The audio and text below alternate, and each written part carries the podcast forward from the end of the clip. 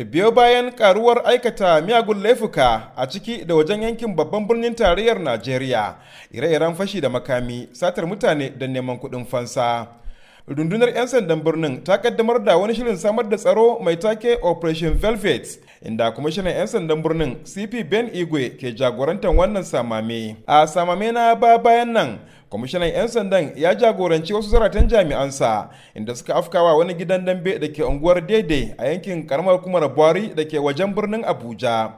Sp josephine ade ita ce kakakin 'yan sandan birnin abuja ga kuma karin bayanin da ta yi min. Da ya fita da kai ya je redin a cikin gidan dambe duka wurin da sun identifying wurin cewa akwai irin masu yan wannan suna suna yawan zuwa gurin to da muka samu bayani cewa wurin ana amfani da gurin a maimakon dambe ana amfani da gurin ana yin wa'ansu abubuwa haka. Sannan kuma masu gidajen nan ba su bi alƙada sun yadda ake bi a samu license na guran nan ba. To duka an yi yashi shiga da dare ya kama wajen mutane ɗari uku da wani abu mata guda goma sha huɗu a gurin to dai akwai makaman da aka samu su laya su magunguna su kodin da su kuma wiwi a cikin mutanen nan da su kuma adda da wayansu abubuwa. To mutum ya je gidan dambe zai je da irin wayannan makaman. Dama dai wasu mutanen da ke zaune a wannan yanki sun daɗe suna korafi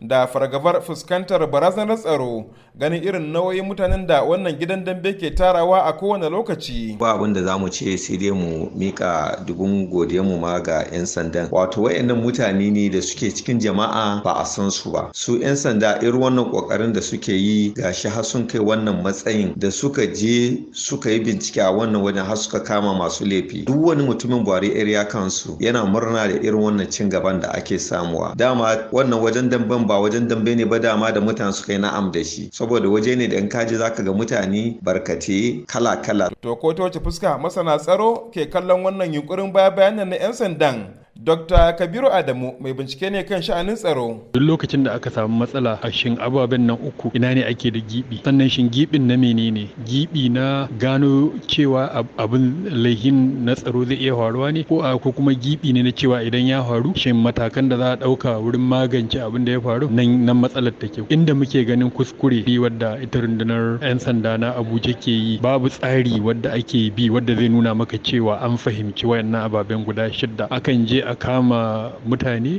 gabatar da su gaban 'yan jaridu amma ba kasafai muke ganin ana hukuntar da su. Dr. Kabiru Adamu Hassan mai na kaina muryar Amurka daga Abuja, Nigeria.